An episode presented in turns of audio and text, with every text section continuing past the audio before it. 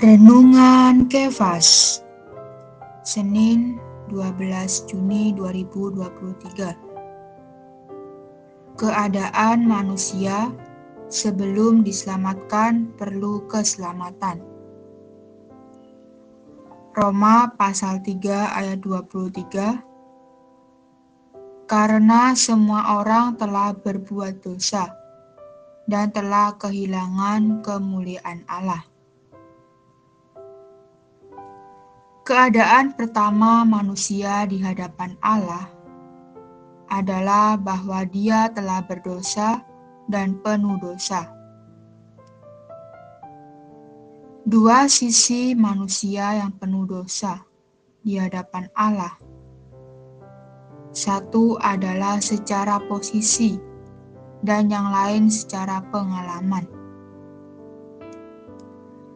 Secara posisi, Meskipun seorang manusia tidak berbuat dosa, dia tetap berdosa di hadapan Allah. Ini disebabkan dia adalah keturunan Adam. Adam ditentukan Allah untuk menjadi kepala ras manusia, dan Dia yang demikian menjadi wakil semua umat manusia. Fakta bahwa kepala dan wakil ini berdosa berarti semua manusia yang diwakili oleh Dia juga berdosa. Ketika seorang Adam berdosa, semua keturunannya yang dia wakili diletakkan ke dalam posisi penuh dosa di hadapan Allah. Secara posisi, manusia penuh dosa di hadapan Allah. Secara pengalaman, manusia juga penuh dosa di hadapan Allah.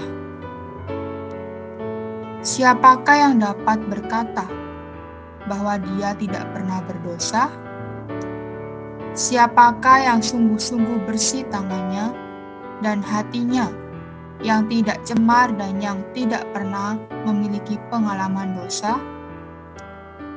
Berdusta, bergaya, pikiran-pikiran kotor, dan bertingkah laku tidak patut kepada setiap orang. Posisi dosa manusia dihasilkan pengalamannya atas dosa. Pada waktu yang sama, pengalaman dosa manusia membuktikan posisi dosanya. Secara posisi dan pengalaman, manusia adalah penuh dosa. Hari ini, manusia bukan saja di bawah penghakiman Allah, tetapi dia sebenarnya siap dihukum. Apakah manusia sadar dan menyadari atau tidak? Dia telah dihukum di hadapan Allah dan siap dihakimi. Tidak perlu menanti penghakiman Allah di masa yang akan datang untuk dihukum. Manusia siap diputuskan dosa dan dihukum di hadapan Allah. Ketika Adam berdosa dan dihukum oleh Allah, seluruh umat manusia di dalam Dia juga dihukum oleh Allah melalui pelanggaran satu orang ini. Hari ini, setiap manusia dilahirkan sebagai seorang berdosa yang dihukum.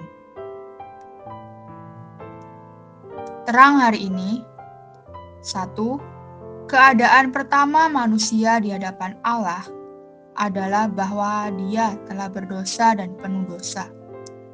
2. Sejak manusia berdosa, dia berada di bawah penghakiman Allah. Ini disebabkan Allah adalah benar, dan Dia yang membuat hukum. Menurut keadil benarannya dan hukumnya, dia harus menghakimi dosa manusia. Keadil benaran dan hukum Allah menyebabkan manusia jatuh di bawah penghakimannya. Doa hari ini, Tuhan, hari ini manusia bukan saja di bawah penghakiman Allah, tetapi dia sebenarnya siap dihukum supaya manusia menyadari bahwa dirinya berdosa. Menurut keadilan dan hukummu, engkau harus menghakimi dosa manusia. Amin.